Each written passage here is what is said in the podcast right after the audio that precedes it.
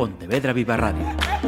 Cara a cara. Damas y caballeros, la Asociación de Directores de Informativos de Radio y Televisión da la bienvenida a Enrique Mauricio.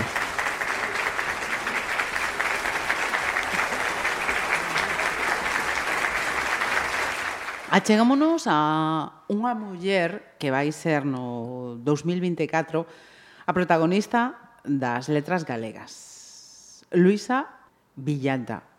Mira que estaba, estaba a ler, menos mal que non lin exactamente, porque ya mmm, cambiaba o apelido. Eh, eh, ímolo facer con Enrique Mauricio, que é eh, o 50% de polo correo do vento. Grazas por estar aquí. Grazas a vos por convidarnos, estamos encantados. E, e máis nun día como, como este, que non é que este a chover, é que Están a caer caldeiros. É que aquí sí que estamos ben, aquí estamos, mira, estamos quentiños aquí agora coa radio, bueno, encantado. Mira, eh, o motivo desta, de desta chamada esta vez por esa tinta de mar pequena biografía de Luisa Villalta. Vou mudar. Que sabíades de Luisa antes de, de preparar este traballo? Sabíamos, sabíamos que era unha... Eh, certo que non sabíamos moito certo que non sabíamos moito. Sabíamos que era unha escritora, que foi unha escritora, que foi unha muller comprometida, eso sí que sabíamos, sabíamos algo das súas obras, pero non, por, por exemplo, non nos leramos todo. Claro, nos cando facemos unha son biografías infantís, pero tomámoslo moi en serio. Mm. Eh, lémonos todo, por exemplo, toda a súa obra, eh, intentamos falar con xente que a, que a coñeceu, e que nos dean esas primeiras mans, no? esa primeira mano que te dá que te dá o coñecemento de alguén, Ajá. que te pode contar anécdotas que poden funcionar logo moi ben porque isto é unha... Nos presentamos este ano a, o libro, pero tamén imos ter material, imos vai haber contacontos, e vai haber tamén, eh, bueno, contacontos para o público infantil que facemos sempre, e tamén vai haber, eh, bueno, non sei se chamalo concertos teatrais ou algo para todo tipo de público, ou sea, ah, nos imos, para, imos apostar moito por Luisa Villalta, parecenos unha, unha cousa unha, moi ben acertado pola Real Academia, e estamos encantados. Estamos a falar eh, dunha muller que cronolóxicamente é para aqueles que estamos a aprender sobre Luisa. Eh, onde ubicamos? Mira, ubicamos no século XX. No século, mm. É unha muller nova, é unha muller moi nova, naceu no ano 59. É, é unha muller, unha muller que fixo... Eh, fíxate unha cousa, Eh, Luisa Villalta eh, é eh, unha muller ecoloxista, unha muller feminista, é unha muller que loita contra a especulación urbanística, é unha muller comprometida co conflito palestino, por iso co povo palestino, o sea, eh, eh morreu aí xa, bueno, xa casi 20 anos, morreu, eh, bueno, hai 20 anos xusto, pero eh, as, as súas, a súa obra, a súa pensamento é de, é de hoxe. De agora. De agora, agora mesmo, mesmo, o sea, uh -huh. eh, cando falábamos coa filla, non? eu, perdón, coa filla, perdón, coa, coa súa irmá, eh, decíamos, eh, como sería Luis agora, non? Eh, plantexábamos a idea, bueno, seguiría loitando polas mesmas cousas que, que hai 20 anos, non? O sea, e sería de actualidade. Eh, logo iba, iba a preguntar por esa, esa parte de, de compromiso, eh, pero antes no oído ido das letras. Eh, estaba a preparar eh, e eh, eh, miraba que fixo prácticamente de todo. Sí, tocou todos os paus, tes razón, tocou todos os paus, e eh, moito moita poesía, lóxicamente. Eh, que la, digamos que é moito poeta, pero tamén dramaturgo, e si, fixo obras de teatro. E tamén fixo, bueno, fixo tamén ensaios, moita moita escrita, moita colaboracións en, en prensa e, e, en revistas especializadas eh, tamén eh, o que ti dis, unha muller universal, uh -huh. non? que se cadra hai unha cousa que sí que é común a toda a súa, a toda a súa obra, que é o papel da música.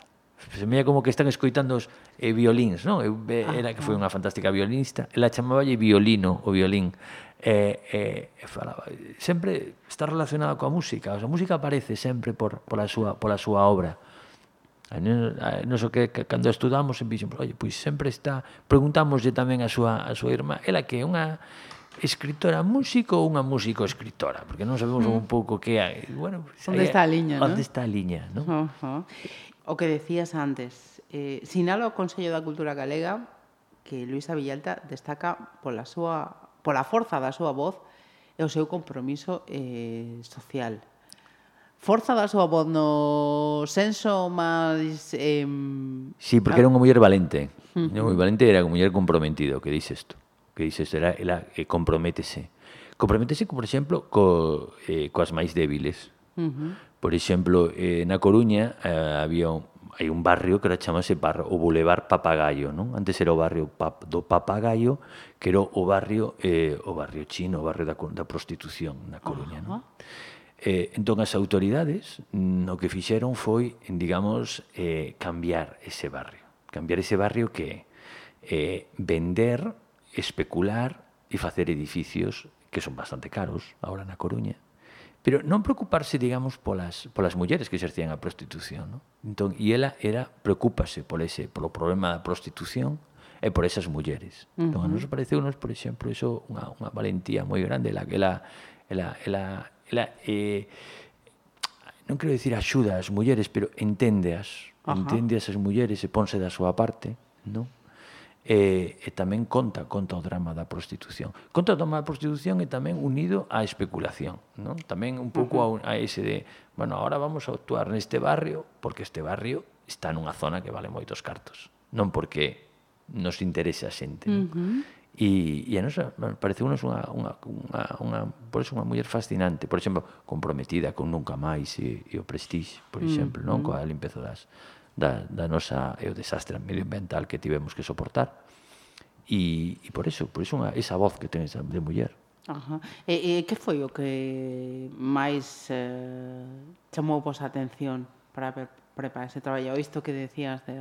Sí, sobre todo, sobre todo o compromiso. Mm. Compromiso con distintas causas. Tamén, o, xa digo, co, co palestino, co tema da igualdade, con, con moitas causas, E, e ela, como sempre, eh, unha muller com, com, digo, comprometida.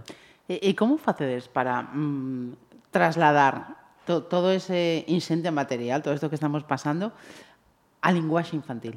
Eh, intentamos simplificalo, facelo o máis sinxelo posible. Nos temos que adaptarnos e sabemos tamén con quen, con quen estamos a tratar. Está claro que non, non vou a tratar eh, cando fago unha contada, non voulle contar eh, aos nenos e nenas o que a prostitución con todo a crudeza que é a prostitución. Uh -huh. Pero podo decir que ela se puñía sempre do lado das máis débiles, dos máis febles, por exemplo. Non é o que facemos, nós intentamos simplificar e logo tamén eh, unha labor fundamental é son as ilustracións de Tania Solla. Iba, iba a preguntar, si sí, unha vez máis neste, neste ciclo, iba a decir, nesta colección de mulleres galegas, Tania Claro, temos a, esta, bueno, esta Tania que nos que facemos, nos digamos que temos unha idea, dicimos a Tania se se pode levar a cabo esa idea, Tania di, bueno, sí ou non, e a partir do que ella vai dicindo entre os dous, pois estamos dando unha volta uh -huh. e facemos yo en, en equipo, non? Hai, hai cousas que a mellor queremos poñer, pedíela, que eu eso non o vexo a hora de facer a ilustración, ou o mellor é nos di, por que non facemos esta ilustración? E nos, uh -huh. nos facemos caso porque porque é moi boa. Entón, máis que nada, eu, bueno, ti como ves? Eh, a partir do que la tira, pois nos nos nos sumamos nos. No? Mira, eh, unha dúbida que eu teño, eh, Tinta de Mar? Tinta de Mar porque é un poema dela. Ajá, non sempre bus... o que non coñecer. Bueno, tampouco, non sempre buscamos algunha referencia e tamén buscamos que os libros teñan bastantes lecturas, non? Ajá. Teña unha lectura, se si non te gusta eh, Luisa Villalta, que pode non gustarte ou calquera cousa, tes un libro bonito, porque é un libro bonito, e, ou nos entendemos que é bonito, e logo tamén sempre veníamos algunha chiscadela a xente que, que coñeceu a súa vida para que digan, oi, ah, puxeron isto de tinta de mar, ou esta historia, ou como... Eh, sempre hai bastantes lecturas, non? Mm. O, o que mm. queremos nós, eh, o que, o que pretendemos, non? Mm -hmm. Por certo, este libro, este Tinta de Mar, pequena biografía de Luisa Villalta, é o noveno ou un décimo? É un décimo, xa. Un décimo. Levamos once. Estamos encantados. Mm. E, e nada, e, que a ver, tamén eh, nos que aquí queremos tamén eh, pois romper unhas lanzas, non? Ás veces que non se di, non? Eh, estamos a cultura galega que como que todo mal, non? Uh -huh. O sea, escoitas as grandes editoras, todo mal, como que é todo mal. Nos, nos, nos non pensamos eso, nos pensamos que que mellor tes que adaptarte, a mellor tes que tes que buscar. Nós estamos encantados con esta colección. Eh, Luisa Villalta está claro que é unha muller que nos consideramos que imos vender, porque son as letras galegas, pero levamos sor sorpresas uh -huh. con mulleres ou mellor se cadra non tan coñecidas que seguimos vendendo, uh -huh. seguimos apostando por elas e estamos encantados. Nos para eh, para eh, propoñer unha muller temos que eh, temos que ter unha tenos que gustar como é a súa vida, o sea, non facemos calquera biografía. Sí. Temos que ter unha unión co que ela co que ela co seu pensamento, coa súa obra e co, coa súa vida. O sea, non mm. faríamos non facemos calquer tipo de biografía. Témolo moi claro. Eh, entón, polo que estás a contar, eh, Enrique, eh, 2024 vai darvos eh, moito traballo con, con Luisa, novo sentido Bueno, nos queremos esa, esa é a nosa aposta. Nunca se sabe logo, oye, nos agardemos que sí, nos agardemos estar cheos de andar por toda Galicia contando con Luisa Villalta uh -huh. e, e seguir, bueno, pois seguir traballando con, con, con ela e seguimos queremos seguir sacando libros. Estamos encantados co que nos adicamos, temos un que non lo iba a decir. O sea, estamos felices, o sea, que o noso traballo de Carlos e meu sea estar a estas cousas, non? O sea, é unha é unha é unha, é unha, é unha fermosura. Mira, é, é, é similar, o, hai, hai un mes, ou me, non, xa tres meses estivemos nos nos 20 anos dos Centolos, de. Rei Centolo, e Pablo, que, bueno, non somos amigos deles, e Pablo dixo eh, que a súa nai, a nos gustou non máis a súa nai, naquela, naquela, naquela festa, dixo, miña nai, di, e sigues facendo paridas toda a vida.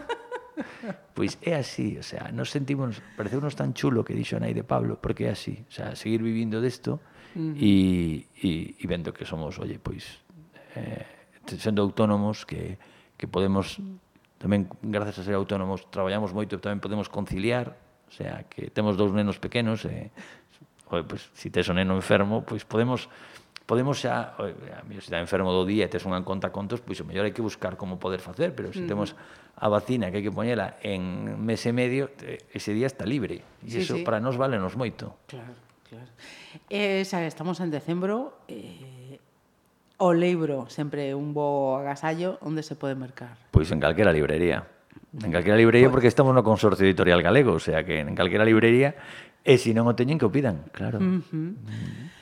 Pois, eh, unha vez máis, eh, Enrique, moitísimas grazas por Muy... estes eh, minutiños eh, ensinarnos eh, a unha das protagonistas do 24. Moitísimas grazas a vos, estamos encantados de estar aquí. Pontevedra Viva Radio. ¿Me permiten que les haga un comentario como espectadores del programa Cara a Cara? Según un reciente sondeo de mercado, ustedes disponen de estudios e inteligencias superiores a la media. Sus intereses abarcan desde la actualidad mundial y la ciencia hasta el deporte y los espectáculos.